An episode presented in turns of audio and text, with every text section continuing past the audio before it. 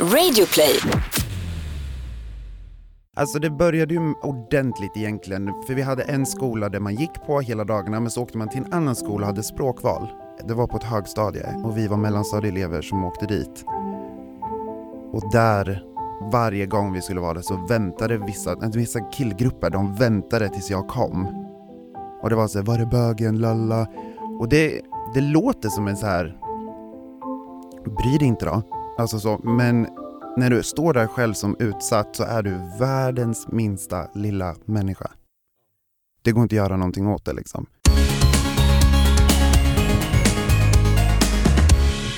Hallå Tobias! Hej Anton! Och varmt, varmt välkommen är du som lyssnar också. Som alltid vi så glada att du lyssnar på Regnbågsliv, podden där vi pratar om allt möjligt under regnbågen, eller hur? Varje torsdag, och nu är det dags igen. Ja, hur mår du?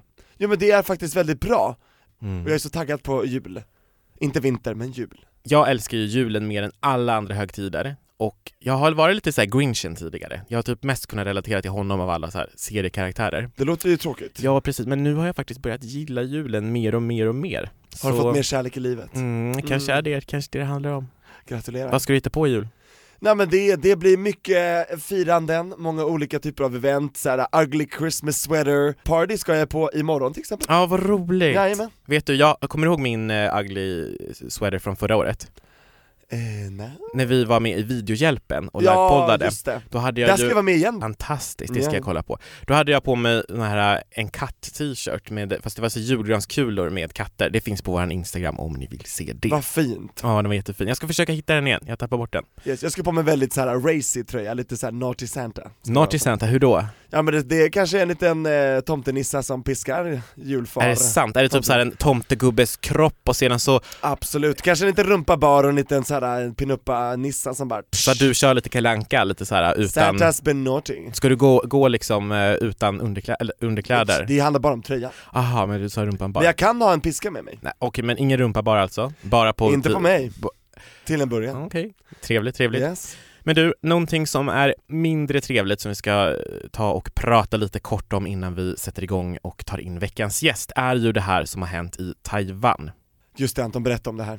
Jo, nej men det är ju så att eh, den sidan som sa nej till samkönade äktenskap i Taiwan vann folkomröstningen och eh, det blir alltså inte inga samkönade äktenskap. Det är ett nej till det i Taiwan och det här är ju självklart ett enormt eh, nederlag för liksom, hbtq-rörelsen eh, i Taiwan, med omnejd också ska jag säga, för att det är ju liksom, det blir ju på något sätt så att när ett land eh, får ett ja, då blir det ju lite press på ledare i omkringliggande länder och också inspiration och energi som ges till lokala aktivister.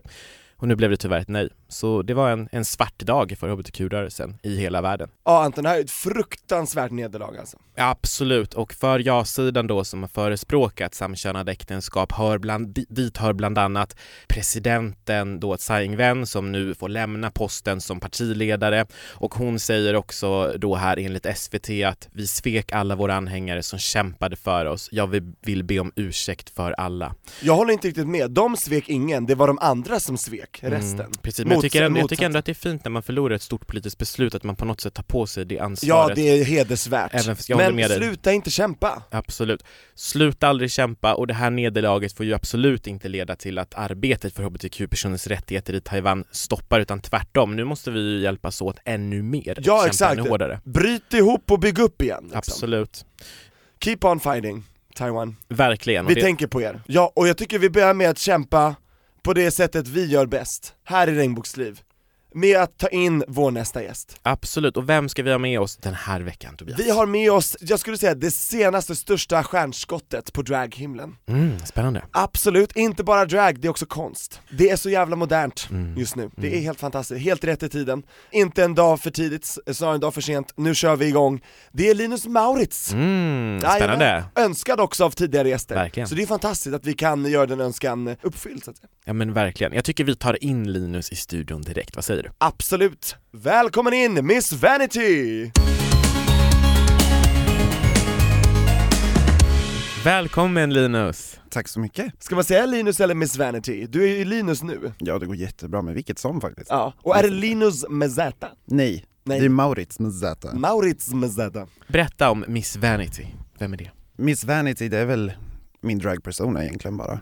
Alltså, jag kände att jag behövde ett namn, som de flesta dragqueen gör. De sätter ett namn på det och det är en roll som jag spelar under tiden som jag är i drag. Själva namnet kommer egentligen från för att jag baserar hela min drag på Christina Aguilera, Gaga, men mestadels Christina Aguilera och hon har en sån underskattad låt som heter Vanity Okej. och den speaks to me. Fåfänga alltså, ska vi säga. Precis, och det är väl lite jag också så att det går lite du är så hand i hand. ytlig eller? Ja, jag är så jävla ytlig. Ja, yta är allt. Och det här Miss Vanitys personlighet, hur är den? Det är egentligen typ bara min personlighet, bara att jag gångrar den till så mycket mer som Linus inte kan vara. Det är en parodi på Linus. Ja, lite. Mm. Fast på ett seriöst sätt också. Mm. Folk säger att ta inte drag för seriöst, men jag tar drag väldigt seriöst. För varje gång jag är i drag så försöker jag göra en skillnad på något sätt. Mm. Ett statement kanske? Ja, med vad du har på dig eller vad du sjunger? Ja, eller Ja. vad- bara att vimla runt på en klubb och vingla i klackar. Alltså, alla gör inte det. Nej. Och jag vill inspirera andra till att göra det. Så att alltså, någonting varje gång känner jag är en peruk, ett par klackar, lite läppstift, herregud, spelar ingen roll. Vi alla gör ju drag jämt, på ett eller annat sätt. Mhm. Just det som Klär RuPaul sa, ja. you're Precis. born naked, the rest is drag. Precis. Absolutely. Och jag hade, jag, när jag har varit dragqueen, Transylvia, så har jag varit väldigt så här, lat drag, och det är många dragqueens som har tyckt att det är, gans, är ganska kul. Att det enda jag gör det är att sätta på mig stora, stora solbrillor så jag slipper göra ögonmake, eller ha ögonbryn, och sen ett par läppstift, en klänning och klackar, och sen en jättestor hatt. Det här kan Slipper man kolla på eh, Paradise Hotel från år 2014 om Ja, man vill eller- se Tobias göra det Eller, här. eller liksom på alla bilder så här från, från den tiden, då var det bara så här, peruk, glasögon, läppstift och klackar, det var det enda jag behövde. Och då var ju jag så ja ah, men det här är drag, fast det är jättelätt Men är drag. inte det grejen också med drag, att så här, gör det på det sättet du vill? Ja, have it your way, Ja, just do you. Och Ja. det du känner funkar i din drag, gör det bara. eller hur? Mm. Det det kanske inte hade blivit bättre om du hade gjort din eye makeup själv, eller? Nej, det, det, det har man dokumenterat Ja, jag har sett dig ja, sminka, alltså det, Nej men jag, jag, jag kan ju ingenting det är kreativt. Ja, tack, det var ju, ja Nej det var back in the days, men hur, hur utvecklades liksom, hur kom Miss Vanity in i ditt liv Linus? Ska vi då kanske börja om från början? Kanske till och med innan Miss Vanity föddes, innan drag. Eh, hur har liksom din resa med att hitta din identitet varit? Alltså om man ska gå långt, långt tillbaka, alltså så ser jag egentligen att mitt liv finns uppdelat i tre liv under min 26-åriga livstid. Tre epoker typ eller? Ja, eh, och då har jag en period där allting egentligen startade och det började som för många andra, alltså just bara med utklädnad, allt det här och jag levde ju som Pippi Långstrump i år. Är det sant? Ja. Hade du ståltråd i håret? eller Ja, ja, ja, alltså, jag, till, alltså jag ville inte ens att mina föräldrar skulle tilltala mig Linus utan kalla mig Pippi. Mhm. Och varför Fem. just Pippi av alla karaktärer? För det första, she's fierce. Alltså hon är Alltså det var ju bara en kvinnlig roll tror jag som jag såg upp till också, vilket jag fortfarande gör än idag och är fortfarande ett Alltså ett ikoniskt litet fenomen som Astrid Lindgren har skapat till oss barn. Världens starkaste tjej. Verkligen. Ehm, så det var ju där egentligen började alltihopa och sen så har det bara utvecklats mer och mer men det var ju där någonstans som jag började förstå runt 8-9 års ålder att jag kanske inte var som inom citationstecken alla andra. För att det var inte några andra snubbar som sprang runt med ståltråd i hu- huvudet och för stora skor och strumpbyxor liksom. Men eh, det var, ja, när man tänker tillbaka på det Eller nu? Mm. för det borde vara mer så, ja verkligen. Jag, Alltså- jag gillar inte det där uttrycket, jag har också känt igen mig i det där att så här, inte känna sig som alla andra killar och så vidare. Men det känns som att hoppas, hoppas, hoppas att vi snart kommer från det där så att det, även om man, du är Pippi Långstrump så ska det inte liksom, ett barn, en pojke som är Pippi Långstrump ska inte behöva reflektera att han är annorlunda liksom. Nej, men Och det lät ju precis. som det på vår tidigare gäst här Anton också. Förskola. Förskolan. hur de jobbar nu. Ja, Mm. att det verkar vara så himla avdramatiserat och neutraliserat att alla får leka med allting. Det börjar gå framåt. Verkligen. Men tillbaka till eh, 90-talet, här i, i, är det Linköping? Ja, det är Linköping. Just det, där du är uppfödd och uppväxt och allting. Yes, precis. Eh, men då är det väl mer där när jag var runt 8-9 års ålder som jag började förstå att det här stack kanske i andra personers ögon. Och det var första gången jag fick höra ordet bög. Eh, vilket fortfarande är så här, när man hör ordet bög, eller jag gör, så får jag alltid en sån här... Ja, Förstår ni vad jag menar? Jag, jag tror jag förstår vad du menar, för att du hörde bög på ett känsla. negativt sätt. Ja, eller? ett väldigt Ja, negativt sätt. För jag har faktiskt än idag svårt att säga så här: jag är bög, för att jag bara uh, hugger till lite, för jag bara, det känns som att det är någonting dåligt, lite fortfarande. Tyvärr. Ja, det är där blandade jag men- känslor alltså? Ja, samtidigt som att jag har kommit dit idag där jag kan skämta om det på min egna nivå, men det är nog samtidigt en försvarsmekanism för mig själv för att kunna bearbeta just ordet bög. För att måste jag ha det ordet på mig? Exakt. Förstår ni vad jag menar? Ja. Vad kände du när du hörde det första gången då? Visste du vad det betydde? Nej, då vet jag att jag gick hem och frågade mina föräldrar vad det var och de sa ju bara ja men den är två killar är ihop, då är man bög. Alltså så, det var inte mer förklarat än så. Ehm, Det var man tvungen att vara ihop för att vara bög också. Man Ja, kunde men- inte vara singel. ja men precis. Med två män. Så. ja, Ja. precis. Ja. Men eh, blev du liksom utsatt på något sätt som att du kallades för bög på ett negativt sätt av klasskompisar? Oh ja, det var då det började. Hur gammal Ehm, var du då? Åtta. Mm. Okej. Och det fortsatte ju ända tills jag var 19, 18, 19. Oj, hela resten av skoltiden? Ja, ehm, det gjorde det. Det är ju Eh. över tio år. Ja. Oj, men hur, hur såg det här äh, mobbingen, eller var det förtryck, eller vad kände du liksom? Alltså det började ju ordentligt egentligen, för vi hade en skola där man gick på hela dagarna, men så åkte man till en annan skola och hade språkval. Det var på ett högstadie och vi var mellanstadieelever som åkte dit. Och där, varje gång vi skulle vara där så väntade vissa, nej, vissa killgrupper, de väntade tills jag kom. Nej. Och det var så här, var är bögen, lalla? Och det, det låter som en så här bry dig inte då, alltså så, men när du står där själv som utsatt så är du världens minsta lilla människa. Ja.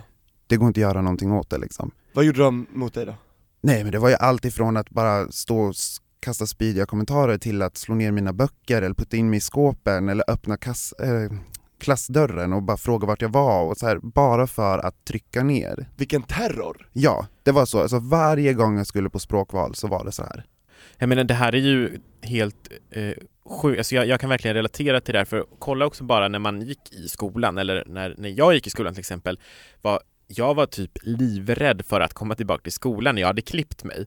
För att Åh nej, nu kommer typ så här folk vända sig om och skratta för att jag har klippt mig. Alltså bara en sån grej tyckte ju många var Men hade du jobbigt. håret nej, nej, eller? nej, nej, nej, nej. Alltså, men, men för att liksom bara illustrera ett exempel, en sån grej tycker ju väldigt många är jobbig. För då hamnar man lite i spotlight. Ja, och att då utsättas för att vara liksom bögen som alla tänker är så här, det är det annorlunda, en själv kanske har problem med sin liksom, identitet, inte landat, liksom hur, alltså det är en enorm utsatthet. Hur, hur hanterade du allt det här i den tiden? Förnekelse mot mig själv egentligen. Alltså allting som hade med, alltså hela tiden inom mig så har jag förstått det. Någonstans. Men alltid förnekat det. Så att, att vara homosexuell man har aldrig varit ett alternativ för mig själv, som jag själv har satt på mig. På grund utav vad andra har sagt. För att jag har alltid tagit det som att det här får du inte vara. För, för att de inte skulle få rätt då, till exempel? Ja, precis. Ja. Ehm, och då sen när man började högstadiet, det var ju då det egentligen bara krascha för mig. Alltså totalt. Det, alltså då skulle jag gå i samma skola som de här personerna, fem dagar i veckan. Och sen spred det sig, fler visste vem jag var. Det var, alltså det var en väldigt, väldigt mörk, låg period. Där mina föräldrar inte visste mer vad de skulle kunna hjälpa mig med mer än att ta mig till psykologer eller sådana saker. Och var det inga andra som eh, liksom klev in och hjälpte dig? Skolan? Ja, klasskompisar eller någon där? Jag hade två vänner som jag alltid höll vid mina sidor, men Ja. jag, tack vare mitt mående påverkar ju också dem.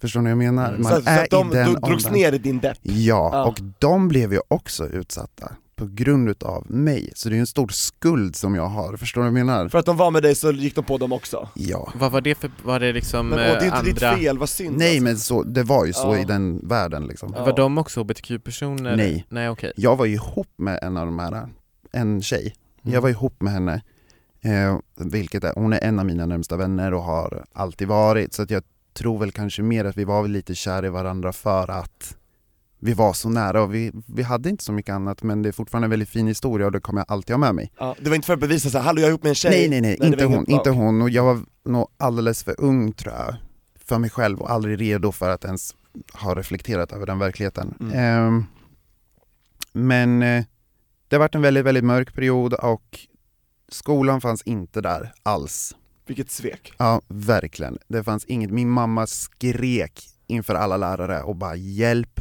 oss nu. Vi var så långt ner det bara gick. Eh, Vad sa de då? Vi kan inget göra? Eller Nej men alla bara, ja, vi ska hjälpa Linus. Men sen samtidigt, jag hade en lärare som, hon sa så här, ja jag har jobbat som kurator i flera år och Linus är inte den enda killen som mår dåligt på den här skolan. Okej. Ska det vara en ursäkt då att man inte ska hjälpa någon? För att här, det, Det var Rätt också samt samma lärare, jag kom till skolan, för jag var sjukskriven från skolan. Mm. Jag kom till skolan och skulle hämta eller lämna några jävla uppgifter, det var något sånt där.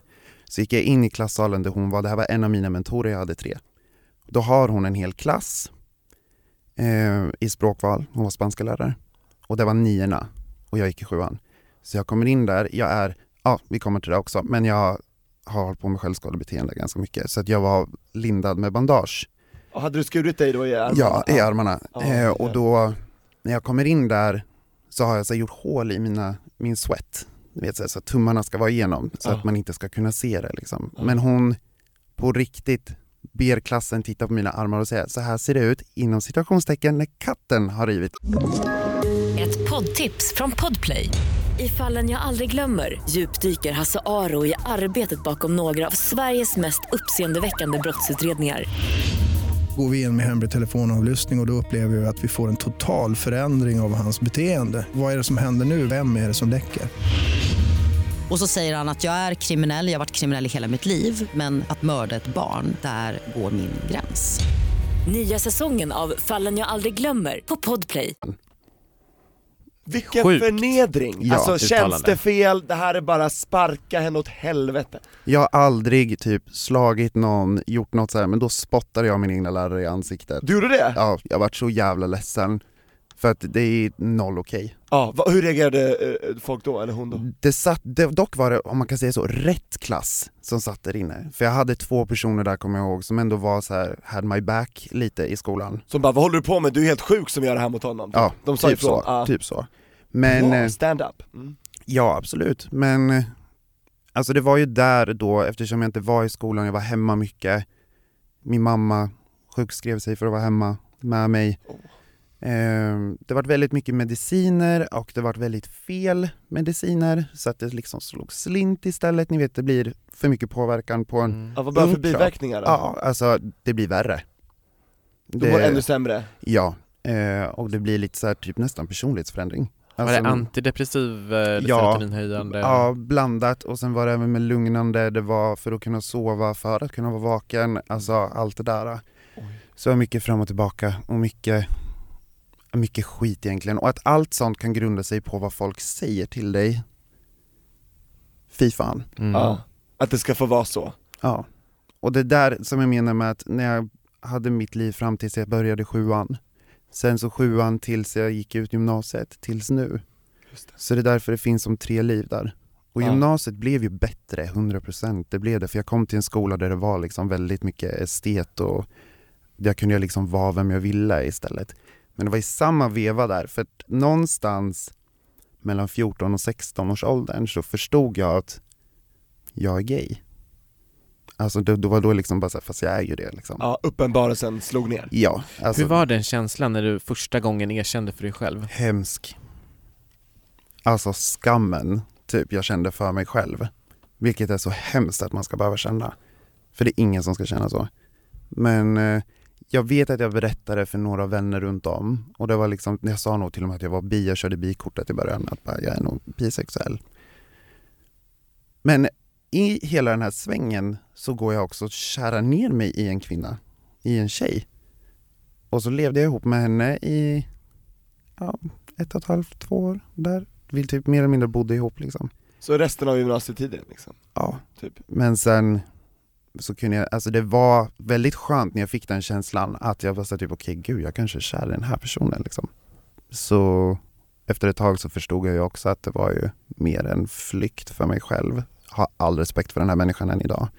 Och vi har kontakt när vi ses och allt det där. Det är ingenting, inga hard feelings alls. Men var ni liksom intima med varandra också, hade sex? ja, ja. absolut. Du körde hela vägen? Ja absolut, men det var Ja. ingenting som jag, alltså jag hade ju inte planerat att det här, åh, det här ska jag göra istället liksom. Utan jag var kär tills uppenbarelsen kom igen. Mm. Och då var det bara kaputt, putt, nej nej, avsluta det här. Men eh, idag identifierar du dig som homosexuell? Ja. Okej.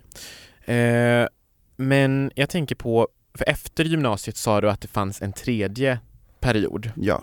Vad är det som karaktäriserar den här tredje Ja, perioden? och vad utlöste den liksom? Så att den började och... Ja men precis, hur var tog det, den var här det liksom andra examen? slut? Att det, så här, på studenten så bara, nu lämnar jag det här bakom mig, eller var, finns det någon så här tydlig övergång? Egentligen inte, men det var en stor uppenbarelse för mig när jag träffade Robin, min partner.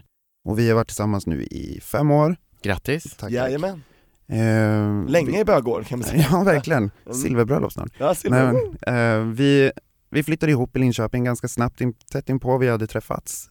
Och sen eh, flyttade vi till Stockholm tillsammans. Och vi lever här nu. Men det var någonstans där som jag, när jag började tillåta mig själv att tro på mig själv, då vände allt. Så det, det, är liksom, det var min nyckel, när jag bestämde mig för att jag ska må bra, jag ska leva som jag vill, jag ska göra det jag vill. Och sen så när jag har det supportet bakom mig som jag har, jag har min familj, jag har en pojkvän jag lever ihop med som helt plötsligt är såhär, do your thing. Och hur kom du dit? Var det för att du hade mått så dåligt så länge så att du orkar inte må dåligt längre, eller liksom, hur- vad var? Ja, det? alltså jag gjorde den stora förändringen när jag var typ 18, då sa jag till mig själv att bara aldrig en medicin, all, jag tar inga mediciner, jag vill inte ha, jag vill inte ha antidepressiva för jag mår bara sämre. Och det var där någonstans också när jag bestämde mig för det som det tog fart igen. Men det var runt där när jag flyttade till Stockholm och insåg att bara, jag är bara en i mängden här, så jävla skönt. Ingen mer spotlight och utsatthet, Precis. på samma sätt? Och därför så vill jag ju, eftersom jag var utsatt där, där jag kom ifrån, till att komma till en plats där ingen vet vem jag är. Då vill jag ju vända det och helt plötsligt bli sedd för den jag är, för jag är en bekräftelsegris, alltså trust Jag me. kan relatera, Ja men, Inget fel med det? nej.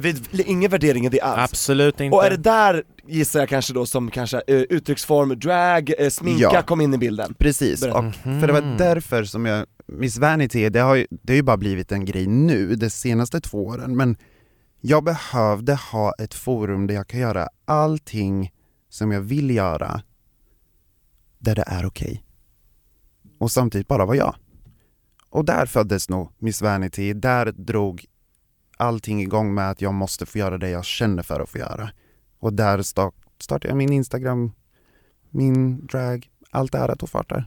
Och du är ju otroligt kreativ och eh, jag sa ju till dig precis innan vi började spela in att jag inspireras väldigt mycket av ditt Instagramkonto. Och tack så mycket. Har du alltid varit så här kreativ, duktig på att måla, alltså smink, sådana grejer? Eller hur har du lärt dig? Alltså ja, det, självlärd eller? alltihopa. Mm. Eh, Det bästa sättet. Ja men faktiskt, alltså sen så lär vi oss av varandra väldigt mycket. Framförallt just i den här lilla influencerbubblan så, för den är ganska liten, Mm. folk tror att den är jättestor men den är ganska liten. Vi är så många kreatörer och vi har så mycket att ta av varandra och lära av varandra.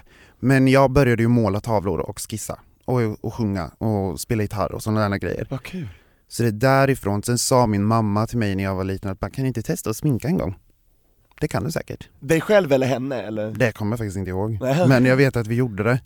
Eh, och sen, det var inte bra men det var bra för det var då. Ja eller hur? Sen så har det bara tickat på. Ribban har höjts sen dess Ja. För du har ju väldigt speciella kreationer, för det du gör också som har blivit väldigt populärt senaste tiden Det är att du sminkar dig till andra människor, Yes. eller varelser Ja. Också, och det, och det gör du väldigt övertygande, hur lyckas du med det här? Svårt. För det här är en helt next level of makeup Alltså jag har övat på det, just det här lilla konceptet i över ett år. Sen jag startade min Instagram.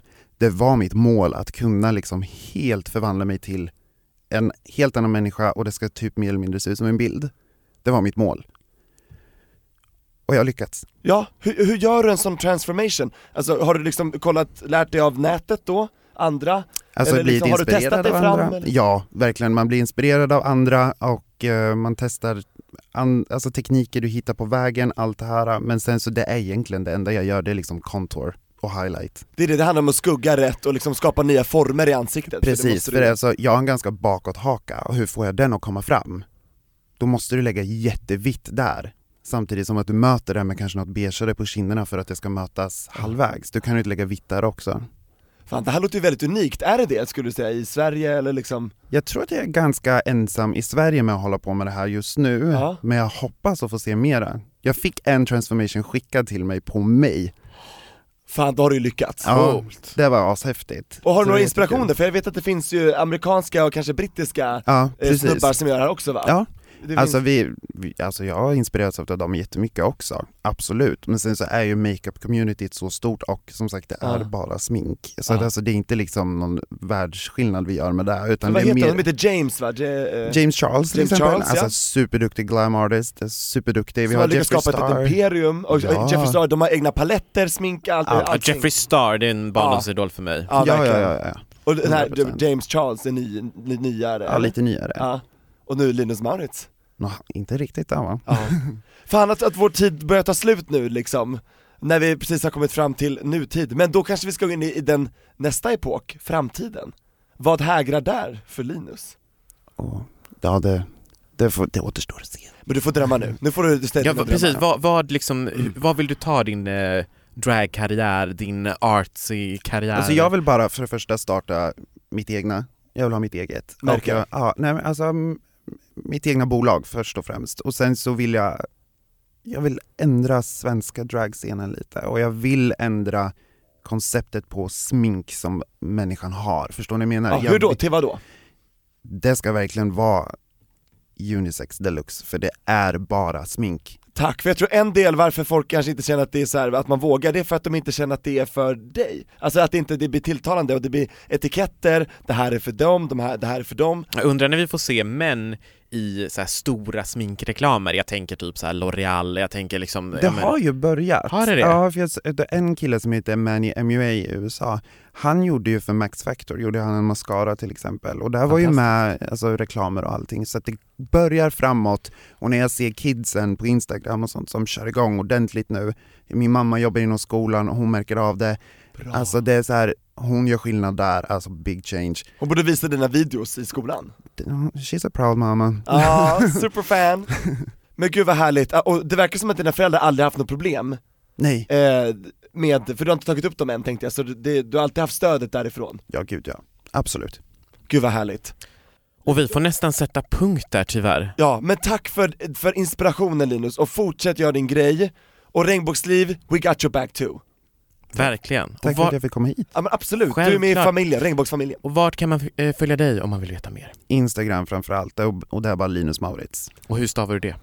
Linus Maurits, precis som det låter, Ja, fast Linus med med Z. S, Maurits med Z. Ja, som hennes och Maurits, och jag är inte släkt. Exakt, just det. Fan, annars hade du fått det lite bra eh, Snacka den sponsen. Exakt, Woo, spons! Ja, tusen tack för att du var här och eh, delade med dig av eh, lite av din historia. Tack så mycket. Ja, hoppas vi får höra mer och se mer av dig i framtiden, och det är jag helt övertygad om. Du får ha en fortsatt god jul eh, så länge. Tack, Ja, detsamma. och så säger vi tack och förlåt för allt, och nästa torsdag, Då hörs vi igen. ja och då är det avsnittet före avsnittet. Just det. säga, 99. Dan före dan. Exakt, den för den. Vi närmar oss hundrade avsnittet. Fantastiskt! Jag har en superstor cliffhanger och jättenyhet att berätta då, så häng kvar här. Följ oss, Regnbågsliv, överallt, Instagram, Facebook, Anton och Tobias och Linus Maurits. Ha det bra, over and out. Hejdå! Over and out. Ciao!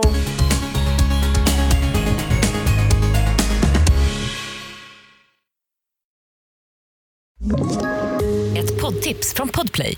I podden Något Kaiko garanterar östgötarna Brutti och jag, Davva, dig en stor dos skratt.